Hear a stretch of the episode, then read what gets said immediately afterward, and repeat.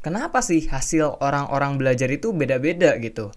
Ada yang mudah paham, ada yang susah paham, ada yang pinter, ada yang enggak, ada yang nilainya bagus, ada yang enggak, dan lain-lain. Di episode kali ini, kita akan temukan jawabannya bersama. Mari kita mulai.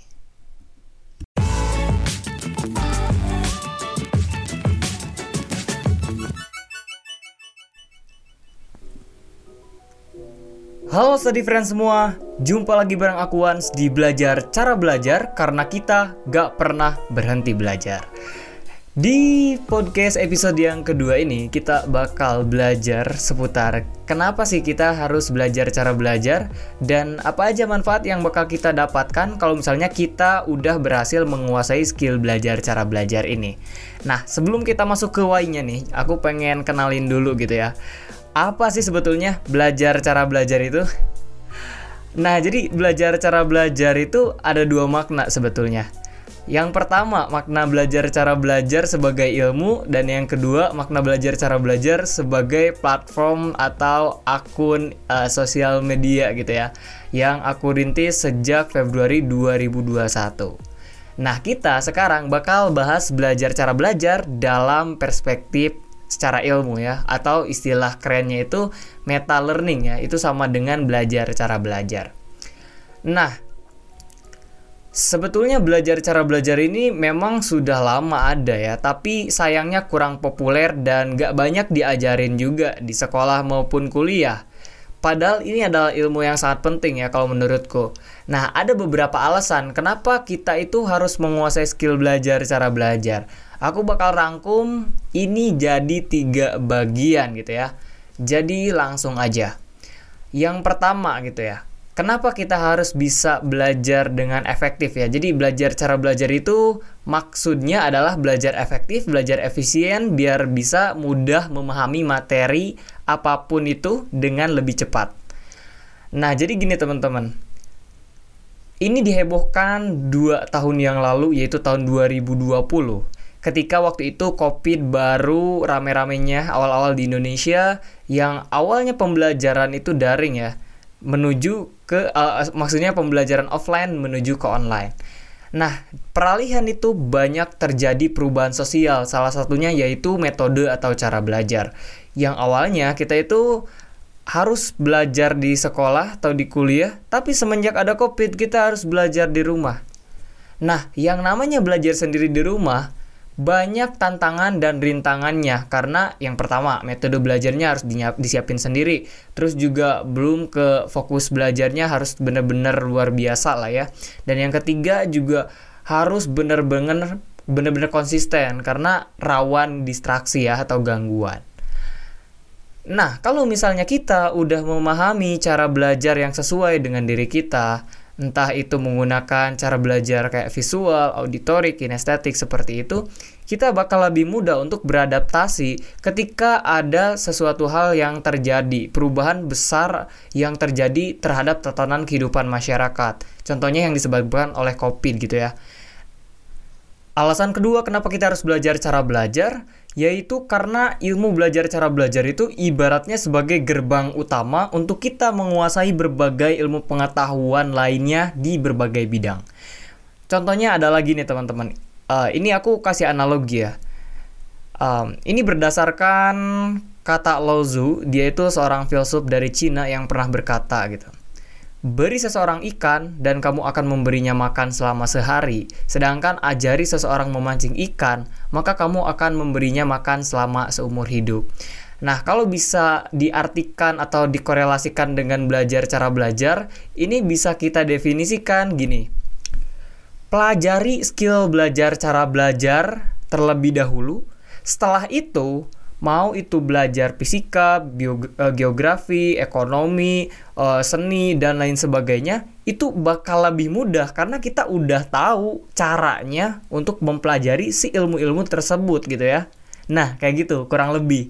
Jadi belajar sekali pakai manfaatnya itu berkali-kali gitu ya. Karena pertama yang diajarin itu caranya dulu, how to learn physics, how to learn geography dan lain sebagainya.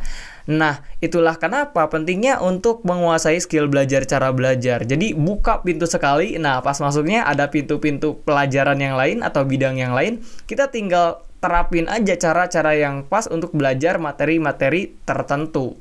Nah, itu adalah salah satu manfaat dari belajar cara belajar.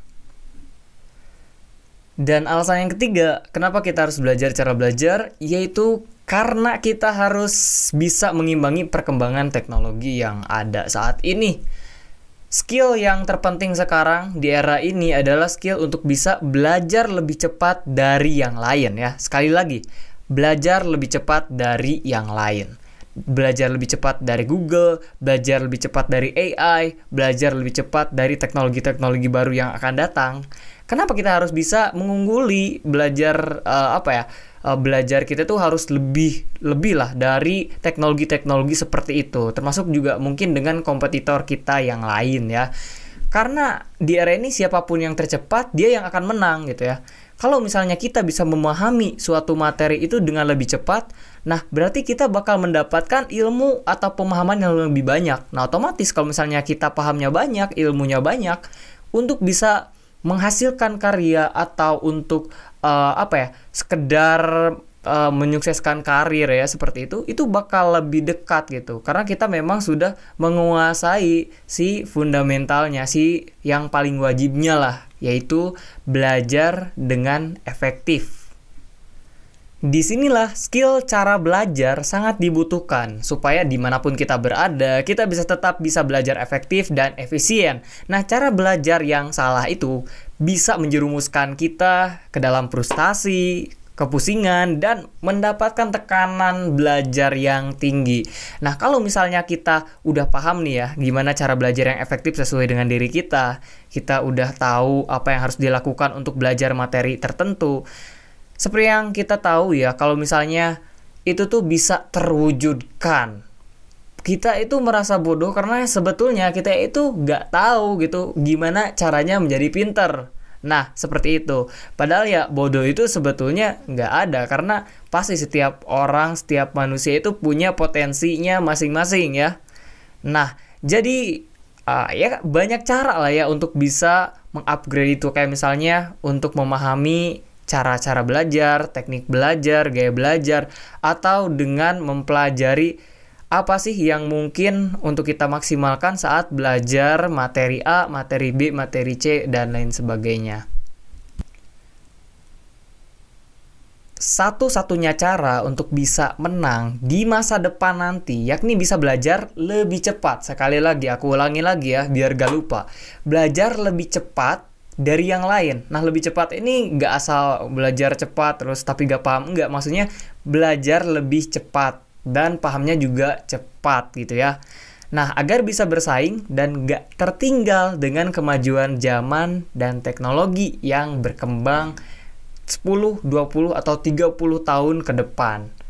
Nah, hasil kita bisa fleksibel yang awalnya cuma mengandalkan belajar di kelas Nah, walaupun misalnya belajar di kelasnya kurang efektif karena guru atau dosennya nggak asik dan lain sebagainya gitu ya.